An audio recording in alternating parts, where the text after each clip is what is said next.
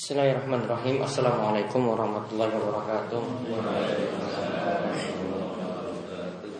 Alhamdulillah Wassalatu wassalamu ala rasulillah Wa ala alihi wa man tabi'ahum bi isani laymiddin Allahumma anfa'ana bima alamtana Wa alimna ma yanfa'una wa zidna ilma. Wa aslih lana Dinana allati wa ismatu amrina Wa aslih dunya allati fiha ma'ashuna Wa aslih fiha ma'aduna واجعل الحياة زيادة لنا في كل خير واجعل الموت راحة لنا من كل شر Alhamdulillah para jemaah bapak-bapak sekalian semoga selalu dirahmati oleh Allah Subhanahu wa taala. Kita bersyukur pada Allah pada kesempatan waktu sahur ini kita diberikan kemudahan untuk duduk dalam majelis yang mulia.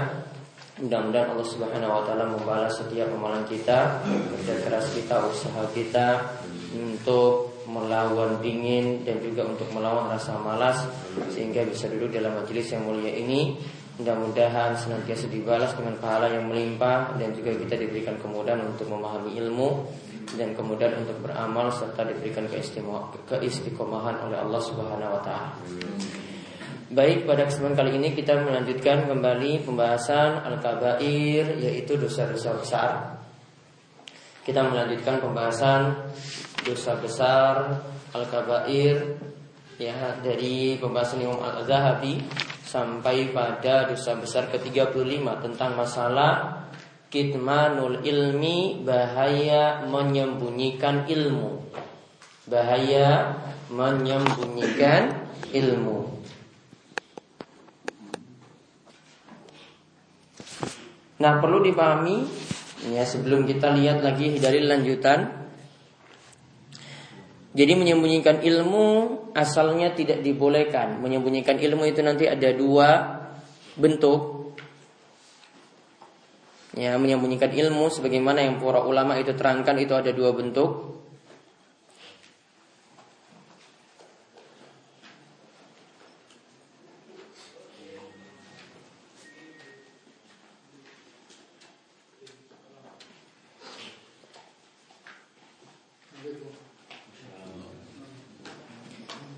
Yang pertama ya menyembunyikan ilmu itu bentuknya menyembunyikan padahal sedang dibutuhkan. Menyembunyikan padahal sedang dibutuhkan.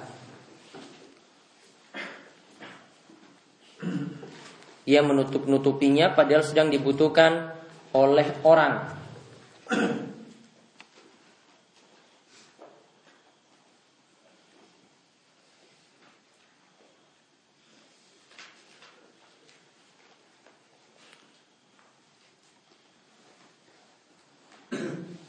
Kemudian yang kedua, terkadang juga bentuknya bisa menghilangkan ilmu tersebut, menghilangkan ilmu tersebut,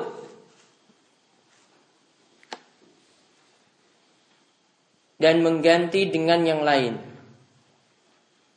Menghilangkan ilmu tersebut dan mengganti dengan yang lain.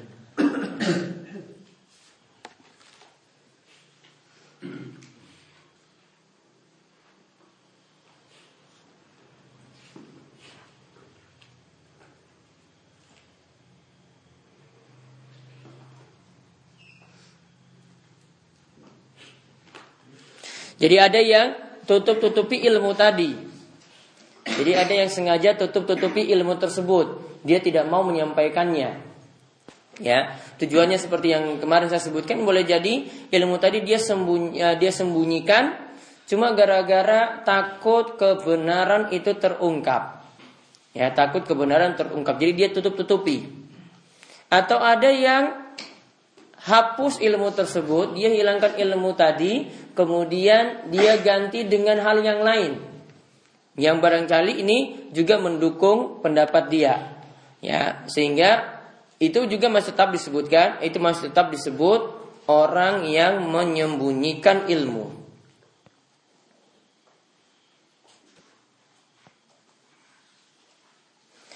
Nah, sekarang ada beberapa keadaan ilmu itu bisa disembunyikan.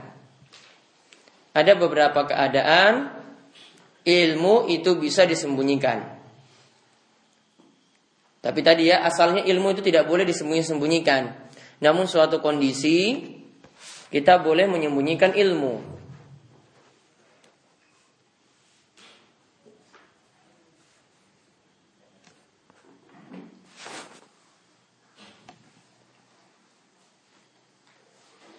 Keadaan yang pertama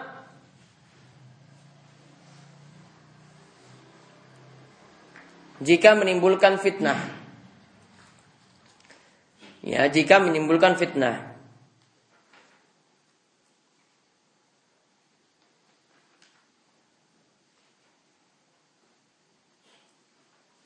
Keadaan yang kedua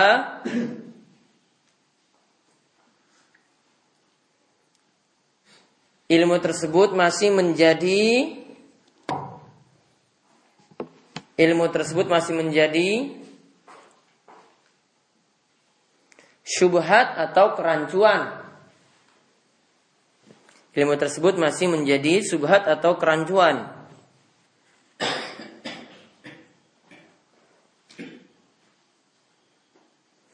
Kemudian yang ketiga, ilmu tersebut tingkatannya tinggi. Ilmu tersebut tingkatannya tinggi.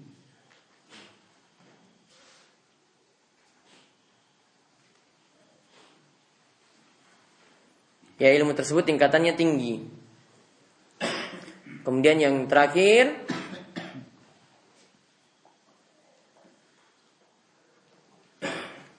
ingin disampaikan pada waktu yang tepat. Ingin disampaikan pada waktu yang tepat.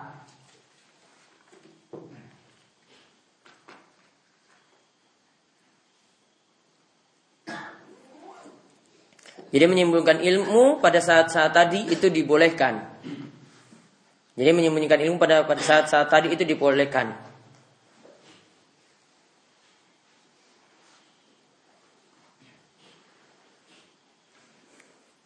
Contoh misalnya yang kemarin saya sebutkan dalam hadis Mu'az Mu'az bin Jabal itu ditanya Mahakallahi alal ibad Wa mahakul ibadi Allah Apa yang menjadi kewajiban Allah kewajiban manusia terhadap Allah dan apa yang menjadi dan apa yang nanti Allah tunaikan ketika manusia itu melakukan kewajiban tersebut. Kemudian Rasulullah SAW itu menjawab kewajiban manusia itu adalah mentauhidkan Allah dan tidak berbuat syirik.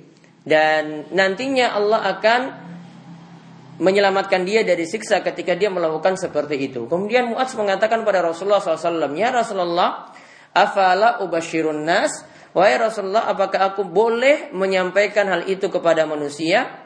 Ketika itu Nabi SAW mengatakan, La tubashiruhum fayattakilu. Jangan sampaikan kepada mereka karena nanti mereka cuma bergantung kepada hal itu. Artinya nanti mereka cuma punya anggapan, yang penting saya tidak berbuat syirik. Main judi orang masalah, main uh, perempuan selingkuh orang masalah yang penting tidak berbuat syirik karena orang yang tidak berbuat syirik nanti akan selamat dari siksa karena takut ada fitnah semacam itu setelahnya ya maka Muas ini tidak menyampaikan hal ini kecuali nanti mendekati beliau akan meninggal dunia. Baru Muas memberitahukan hadis tadi. Dia sembunyikan ilmu ini sementara waktu sampai kokoh iman para sahabat, barulah disampaikan hal tadi. Kemudian juga ilmu tadi disembunyikan, kadang melihat ada ilmu yang tingkatannya lebih tinggi, ada yang rendah.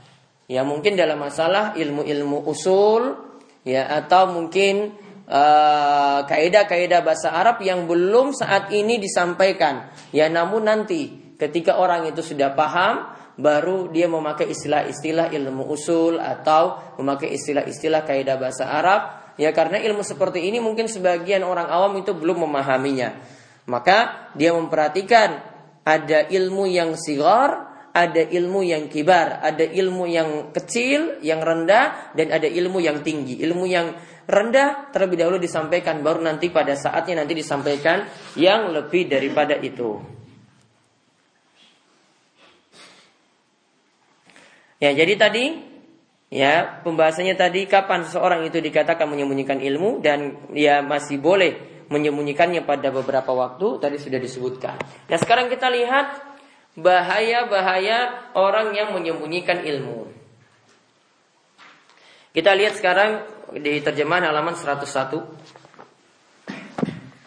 yaitu pada hadis Yahya bin Ayyub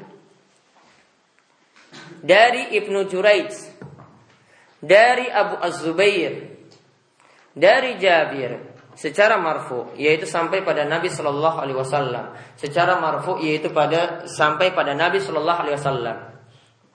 Beliau Shallallahu Alaihi Wasallam bersabda, لا tata'allamul ilma litubahu bihil ulama au tumaru bihi sufaha wa la tuhayyizu bihil majalis faman fa'ala dzalika fannar annar Janganlah kalian mempelajari ilmu untuk berbangga diri. Jadi jangan belajar ingin debati orang lain. Ya, janganlah untuk berbangga diri di hadapan para ulama atau untuk mendebat orang-orang bodoh yang tidak tahu dan jangan mengelilingi majelis-majelis dengannya karena barang siapa yang punya tujuan cari ilmu seperti itu maka neraka lebih pantas baginya neraka itu lebih pantas baginya maka lihat di sini ada orang yang niatan belajar yang pertama niatannya untuk berbangga diri di hadapan para ulama. Jadi ulama ingin debat. Ulama itu ingin dijatuhkan. Karena sebagian orang yang baru mengenal ilmu tahu oh pendapatnya saja yang benar, dia ingin salah-salahkan ulama atau dia ingin jatuhkan seorang ulama. Tujuan dia belajar supaya bisa pandai debat seperti itu. Atau tujuan dia belajar itu untuk mendebat orang-orang bodoh, orang yang tidak tahu Ya, dia perlakukan seperti orang yang tahu sehingga dia jatuhkan ketika itu. Maka ada dua niatan yang keliru dalam hal ini, yaitu untuk berbangga diri dan yang kedua untuk mendebat orang-orang yang bodoh. Berarti di sini kita diajarkan ah, diajarkan adab terhadap ulama, ulama itu mesti dihormati. Ya, terhadap ulama, ulama itu mesti dihormati walaupun dalam beberapa pendapat mungkin berbeda dengan kita, walaupun mungkin dia dalam beberapa pendapat keliru. Namun tetap kedudukannya adalah sebagai ulama yang punya kedudukan yang lebih tinggi daripada kita. Kemudian dalam hadis ini juga diajarkan adab mengajari orang yang tidak tahu. Orang yang tidak tahu itu bukan di debat, namun ya sebagaimana kita istilahkannya orang yang tidak tahu itu diobati. Jangan mudah untuk dihakimi. Karena memasuki seseorang ya dalam dakwah kita mesti melihat kondisinya. Ada orang yang memang belas tidak tahu sama sekali. Sehingga ketika itu butuh pengajaran. Ya, kita tidak bisa langsung memfonis, ah ini kamu keliru, kamu sesat. Namun dia butuh pengajaran, kalau diberitahu terima.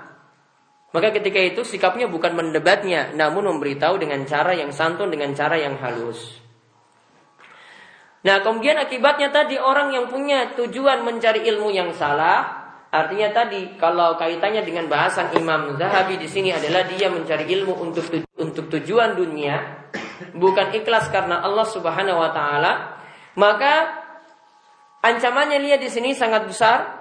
Faman fa'ala zalika fannar annar. Siapa yang niatannya seperti itu dalam mencari ilmu, maka lebih pantas dia mendapat neraka ya maka lebih pantas dia mendapatkan neraka. Ini berarti tujuan yang tidak benar dia untuk cari dunia, untuk berbangga diri, untuk mendebat orang-orang bodoh. Ini adalah tujuan dunia yang ingin dia cari dalam belajar, maka mendapatkan ancaman neraka seperti itu. Maka pas ketika itu dikatakan ini masuk dalam dosa besar karena diancam dengan neraka.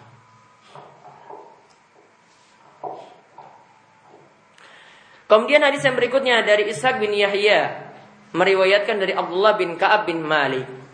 Dari bapaknya dari Nabi Shallallahu Alaihi Wasallam yaitu dari Ka'ab bin Malik Nabi Shallallahu Alaihi Wasallam bersabda. Di halaman 102 paling atas hadisnya Mani bataghal ilma liyubahiya bihil ulama au yumari bihi sufaha au tuq bila afidatun nas ilaihi fa nar. Siapa yang mencari ilmu punya tiga tujuan. Berbaga diri di hadapan para ulama supaya dia dianggap ya sebagai orang yang berilmu, bisa mendebat ulama atau lebih di atas daripada ulama. Atau tujuannya untuk mendebat orang-orang bodoh atau agar hati orang-orang itu tertuju kepadanya. Jadi untuk cari pengikut tujuannya bukan mengajak orang pada kebenaran. Sebagian dai tujuannya itu untuk narik orang untuk ngikut dia, bukan untuk ngikut kebenaran. Kalau dia belajar tujuannya seperti itu, fa'ilan nar, maka tempatnya lebih pantas di neraka. Dalam lafaz lain disebutkan ada khalaqallahu nara. Allah akan memasukkan dia ke dalam neraka. Diriwayatkan oleh At-Tirmizi akan tapi Ishak adalah seorang yang lemah. Intinya di sini ini juga menunjukkan ancaman ya dalam hadis Ka'ab bin Malik di sini menunjukkan ancaman orang yang tujuannya untuk cari ilmu berbangga diri di hadapan para ulama kemudian dia berdebat untuk orang yang bodoh dengan uh, dengan orang yang bodoh tujuannya kemudian juga supaya menarik masa supaya orang-orang itu tertarik pada dirinya. Ini mendapatkan ancaman yang parah, diancam dengan ancaman neraka.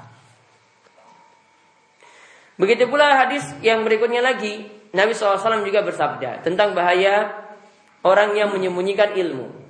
Kalau tadi orang yang cari ilmu karena tujuan dunia, sekarang bahaya orang yang menyembunyikan ilmu. Tadi menyembunyikan ilmu biar, biar bisa jadi dia sembunyikan padahal sedang dibutuhkan atau dia menghapus suatu ilmu dan dia ganti dengan yang lain. Maka kata Nabi Shallallahu Alaihi Wasallam, "Man su'ila an ilmin fakatamahu uljima yaumal kiamati bilijamin minnar." Siapa yang ditanya tentang suatu ilmu, jadi ditanya. Kemudian dia menyembunyikan ilmu tersebut maka dia pada hari kiamat kelak akan dikekang mulutnya dengan kekang dari neraka. Dia akan dikekang mulutnya dengan kekang dari neraka. Atau dalam hadis yang berikutnya lagi dari Abdullah bin Ayyas Al-Kitbani, dia berkata dari bapaknya, dari Abdurrahman Al-Hubuli, dari Abdullah bin Amr bin Al-As, bahwasanya Rasulullah Shallallahu alaihi wasallam bersabda, "Man katama ilman al-jamahullahu yaumal qiyamati bil jamin minnar." Siapa yang menyembunyikan, menyembunyikan ilmu, maka Allah akan mengekangnya pada hari kiamat dengan kekang api neraka.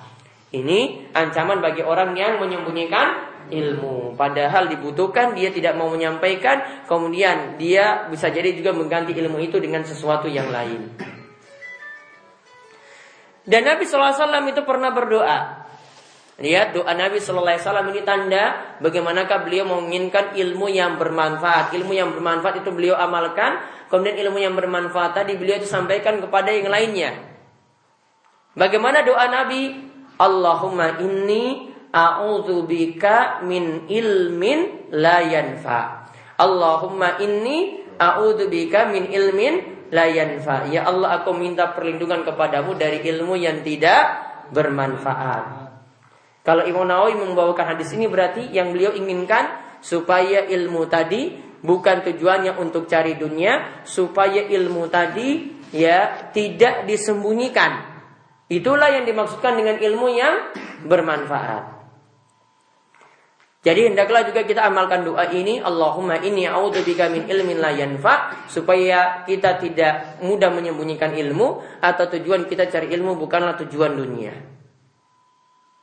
Kemudian Nabi SAW juga bersabda selanjutnya, "Man ta'allama ilman li ghairillah au arada bihi ghairallah falyatabawwa maq'adahu minan nar." Siapa yang mencari ilmu karena tujuan selain Allah, ya karena selain Allah atau dia menginginkan dengannya selain Allah, yaitu dia ingin cari dunia. Sesuai dengan bahasan Imam Zahabi, falyatabawwa maq'adahu minan nar, maka silakan dia mengambil tempat duduknya di neraka. Dipersilakan untuk ambil tempat duduknya di neraka. Ini dihasilkan oleh Imam At-Tirmizi. Ibaratkan ini menunjukkan bahayanya orang yang mencari ilmu cuma karena ingin dapat dunia. Ya, ingin dapat kedudukan, ingin dapat gelar, bukan dia cari ilmu agama tadi untuk memperbaiki diri, bukan untuk memberikan manfaat pada orang lain, namun untuk tujuan-tujuan dunia semata. Kemudian lihat lagi perkataan dari Ibnu Mas'ud. Ibnu Mas'ud itu berkata, "Man ta'allama ilman lam ya'mal bihi lam yazidil ilmu illa kibran." Siapa yang mempelajari ilmu lantas tidak dia amalkan, maka yang ada pada dirinya ilmu tadi cuma mendap, mengantarkan pada kesombongan dirinya. Jadi siapa yang mempelajari ilmu kemudian tidak diamalkan, maka yang ada dirinya cuma bertambah sombong. Jadi kalau ilmu tujuannya dipelajari itu untuk diamalkan. Kalau dia cuma pelajari pelajari saja, sedangkan tidak pernah diamalkan, maka yang ada dirinya itu semakin sombong sebagaimana kata Ibnu Mas'ud tadi. Kemudian hadis yang terakhir di sini disebutkan diriwayatkan dari Abu Umamah dari Nabi Shallallahu alaihi wasallam beliau bersabda Yuja'u bil alim as-su'i yaumal qiyamah Nanti akan didatangkan ulama yang jelek yaitu ulama yang su pada hari kiamat. Fayuqdhafu fi jahannam Lantas ulama tersebut dilemparkan di neraka. Fayaduru biqasabihi kama yadurul himaru birroha. Maka nanti ulama ini, orang yang berilmu ini, berilmu ini nanti pada hari kiamat dia berputar-putar dengan ususnya. Ususnya dikeluarkan. Kemudian dia akan berputar-putar dengan ususnya sebagaimana keledai berputar-putar pada alat penumbuk tepung. Jadi alat penumbuk tepung itu ada di zaman dulu. Keledai itu putar-putar ya dengan membawa tongkat misal dengan membawa kayu misalnya ya di sekitar penumbuk tersebut. Ya ini orang ini dia berputar dengan ususnya, ususnya dikeluarkan nanti dia berputar dengan mengelilingi ya neraka tadi. Kemudian nanti ditanya, padahal dia seorang ulama. Bima lakita hadza wa inna mahtadaina bika. Kenapa kamu mendapatkan siksa seperti ini sedangkan kami dulu adalah orang-orang yang mendapat hidayah karenamu. Jadi ini orang-orang ini tanya, orang-orang yang dapat hidayah ini umatnya, jamaahnya itu tanya. Ya, kenapa engkau yang dapat siksa padahal dulu engkau yang memberikan hidayah kepada kami? Maka dia menjawab, kuntu ukhalifukum ila ma anhakum anhu. Aku dulu itu biasanya menyelisihi kalian melakukan sesuatu yang justru aku melarang kalian darinya. Dia larang dari suatu dosa malah dia terjerumus dalam dosa. Dia larang dari suatu maksiat malah dia melakukan maksiat. Maka nanti di neraka dia keluar ususnya kemudian dia akan memutari neraka tadi dengan dalam keadaan ususnya keluar semacam itu. Kemudian ada perkataan dari Hilal bin A, bin Al Ala ia berkata menuntut ilmu itu sangat penting. Tolabul ilmi syadid. Menuntut ilmu itu perkara yang berat. Wa asyaddu min talabihi. Dan menghafal ilmu lebih penting daripada sekedar mencari ilmu. Wal amalu bihi asyaddu min hifzihi. Namun mengamalkan ilmu itu lebih berat lagi daripada menghafal. Wassalamatu minhu asyaddu minal amali bihi. Kemudian selamat dari bahaya dengan sebab ilmu itu lebih penting daripada sekedar mengamalkan ilmu. Jadi lihat di sini urutannya, urutan yang urutan yang ada disebutkan mencari ilmu dulu. Kemudian yang lebih penting lagi di situ adalah menghafalkannya. Kemudian yang ketiga, mengamalkannya. Mengamalkan ini lebih penting daripada sekedar menghafal, daripada sekedar men mencari. Jadi amalan ini lebih penting. Nah, kemudian ada orang yang selamat gara-gara tadi dia mengamalkan ilmu dan ada orang yang celaka gara-gara tidak mengamalkan ilmu. Maka kalau ingin selamat, maka ilmu tadi harus diamalkan. Ya sama seperti sebuah pohon pohon itu kalau cuma sekedar pohon saja tidak ada buah itu kurang. Maka kalau ilmu tidak diamalkan tidak ada buahnya juga jadi kurang. Maka kalau sudah memiliki ilmu maka amalkanlah dan kalau sudah bisa untuk menyampaikan sampaikanlah kepada orang lain baligu baligu anni walau ayat sampaikanlah walaupun cuma satu ayat. Nah, ini kemauan yang kita bahas dari dosa besar ke-35 tadi tentang bahaya menyembunyikan ilmu dan bahaya mencari ilmu karena tujuan dunia. Mudah-mudahan Allah menjauhkan kita dari sifat jelek tadi, menjauhkan dosa kita dari dosa besar semacam itu. Kita diberi kemudahan untuk menyampaikan ilmu yang kita pahami dan juga kita berusaha untuk mengamalkan setiap ilmu tadi dan berusaha memiliki niat yang ikhlas ketika mempelajarinya. Oke, ini kemauan. Semoga jika ada pertanyaan dipersilahkan. Pak Kasimin. Saya pernah suatu ceramah. Nanti suatu saat kalau di zaman itu ilmu akan dicabut. Cara mencabut ilmu itu adalah dengan para ulama itu dimatikan atau sudah sampai pada meninggal. Bagaimana Ya, perkataan itu benar. Ilmu pada akhir zaman itu akan pelan-pelan itu akan hilang. Ada yang paham Al-Quran nanti akan hilang ilmu Al-Quran tadi. Ada yang paham hadis nanti ilmu hadisnya juga akan hilang pelan-pelan seperti itu. Cara matikannya bagaimana? Atau ilmu itu tadi hilang bagaimana? Yaitu dengan dimatikannya para ulama. Maksudnya Allah nanti akan memberikan ulama itu kematian. Ya, jadi kematian ulama itu suatu musibah karena ilmu akan semakin hilang ketika itu. Ya, maka harus ada pengganti-pengganti ulama untuk bisa meneruskan ilmu-ilmu tadi sehingga ilmu tadi masih bisa terjaga. Pak Arja?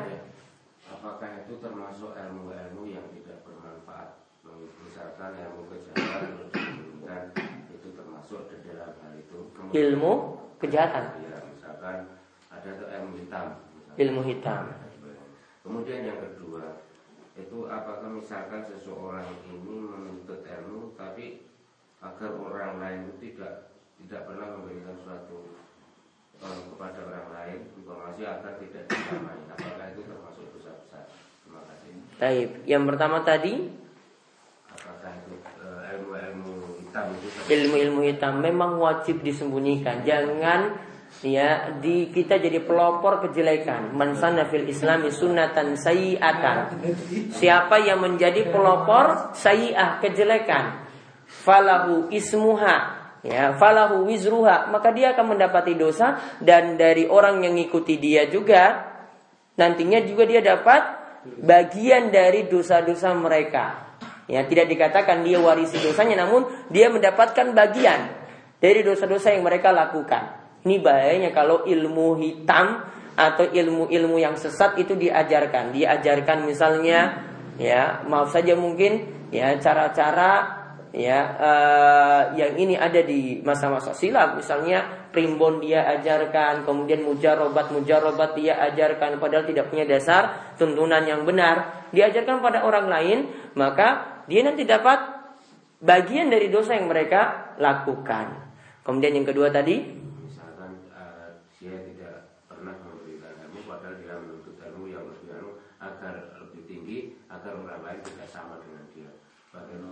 Dia menuntut ilmu supaya orang lain tidak sama dengan dia. Di sini tujuan di sini lihat kembali niatannya. Tujuannya itu biar orang lain tidak samakan kedudukannya, maka ini niatan keliru. Namun kalau tujuannya bersaing untuk raih ilmu, wah supaya saya punya ilmu yang lebih, maka ini niatannya masih benar. Ya karena niatannya oh supaya saya dapat ilmu yang lebih daripada dia. Ini tujuan yang benar. Namun kalau tujuannya untuk mengalahkan kedudukannya, ini tujuan yang keliru. Ada lagi? Selanjutnya pertanyaan yang disampaikan sudah dan dari kami uh, menyebut tentang temanya itu untuk tidak boleh menyembunyikan ilmu itu jelas kalau guru ustaz ulama dan sebagainya itu jelas lapangannya bagi kita kita kita kita yang banyak ini pasti sedikit banyak mempunyai ilmu itu tepatnya untuk menyampaikan bahkan untuk ya memberikan kepada orang lain itu tepatnya di lapangan yang mana. Kalau e, ustadz kalau guru itu sudah jelas lapangannya dan sela-selanya pun sudah diatur. Tetapi kalau kita kita semua ini pasti sedikit banyak mempunyai ilmu. Lah tepatnya untuk menyampaikannya sedikit ilmu itu di lapangan mana. Baik. Semuanya punya lapangan masing-masing dan semuanya nanti punya tanggung jawab terhadap orang yang berada di bawahnya. Ya, Nabi SAW katakan ya seorang suami dia punya tanggung jawab kepada istri dan anak-anaknya itu di rumah. Kemudian istri juga punya tanggung jawab terhadap anak-anaknya, keluarganya yang ada di di rumah. Makin tinggi lagi kedudukannya maka dia punya tanggung jawab yang besar lagi. Berarti ilmu tadi nanti disampaikan kepada keluarga terlebih dahulu. Ya, semua di sini punya keluarga dan nanti disampaikan kepada mereka. Kemudian ada yang punya rekan, punya teman, punya sahabat karib ketika bertemu dengan mereka, mereka keliru, ilmu tadi mesti disampaikan. Ya misalnya mereka tidak mengerjakan sholat, maka diajak untuk melaksanakan sholat. Walaupun dia tidak punya ya kedudukannya besar, namun punya teman yang setiap hari bertemu, maka dielekkan ketika itu, ketika itu diingatkan, oh sholat itu hal wajib. Maka ketika itu dan nasihatina ini adalah juga cara menyampaikan ilmu. Kemudian bisa jadi juga orang berada di kantoran. Ya dia sampaikan lagi pada teman-teman yang ada di kantornya ketika itu. Dia punya lahan masing-masing seperti tadi. Maka setiap orang di sini yang hadir pula ya bisa menyampaikan setiap ilmu yang ada kepada temannya, rekan profesinya yang sama-sama belantik misalnya, yang sama-sama tukang jualan misalnya, yang sama-sama buruh bangunan misalnya, yang sama-sama guru, semuanya punya tempat masing-masing untuk menyampaikan ilmu tadi. Nah, ilmu disampaikan di situ. Apa yang disampaikan? Apa yang dipahami. Ya, baligu ani walau ayat. Sampaikan dariku walaupun cuma satu ayat. Masa satu ayat saja nggak punya? Ya toh? Satu ayat kan pasti punya. Nah ilmu yang punya tadi, yang dipahami tadi, mbok tak nanti disampaikan pada yang lain. Contoh tadi sederhana, ngajak orang sholat itu sudah bagian dari ilmu. Nah ini nanti disampaikan pada yang lainnya supaya mereka juga mendapatkan kebaikan sebagaimana kita juga mendapatkan kebaikan tadi. Ada lagi? Ya Pak Sumar. Terkait tujuan yang kan kebanyakan menuntut ilmu kan dunia berarti belajar di UI misalnya itu kan untuk ilmu agama memang itu tuntutan untuk mendapatkan pekerjaan tertentu itu padahal pekerjaan itu kan nanti kaitannya juga dengan mungkin dunia hmm. Hmm. itu mensikapinya Taib. Itulah baik itulah bedanya mempelajari ilmu dunia dan mempelajari ilmu agama. Kalau mempelajari ilmu dunia tujuannya jelas dia pelajari ekonomi, dia pelajari ilmu bisnis, dia pelajari ilmu hukum, dia pelajari ilmu pendidikan. Tujuannya jelas, ya untuk dapat pekerjaan. Namun kalau ilmu agama, ya tujuannya yang lebih jadi prioritas itu haruslah tujuannya untuk cari ridho Allah terlebih dahulu. Ya, untuk cari ridho Allah terlebih dahulu. Namun kadang untuk penyampaian ilmu tadi. Maksudnya kalau dia tujuannya agar mempelajari ilmu agama biar bisa berdakwah, tujuannya tadi kadang butuh gelar. Karena tanpa gelar orang itu tidak akan dengar. Maka tadi dia berusaha untuk rampungkan kuliahnya sampai selesai tujuannya untuk itu. Boleh. Ya, tujuannya seperti itu boleh. Namun kalau tujuannya semata-mata pelajari ilmu agama, biar dapat dunia 100% maka keliru. Maka harus di situ ada tujuan yang prioritas yaitu tujuan untuk mencari ridho Allah dulu. Ya, tujuan untuk memanfa- untuk ilmu ini bermanfaat bagi orang banyak dulu. Bukan tujuan dia yang semata-mata biar dapat kerja, bukan. Ya, ini mempelajari ilmu agama lebih berat daripada mempelajari ilmu dunia tadi. Maka harus niatnya itu diluruskan. Ada lagi? Baik, sampun nih yang kemauan yang kita pelajari untuk kesempatan kali ini insyaallah pekan depan kita bertemu lagi dalam kajian menjelang sahur berikutnya. Oke, ini kemauan untuk pertemuan kita kali ini kita tutup kalian doa kafaratul majelis monggo. Subhanakallahumma bihamdika asyhadu an la ilaha illa anta astaghfiruka wa atubu ilaik. Assalamualaikum warahmatullahi wabarakatuh.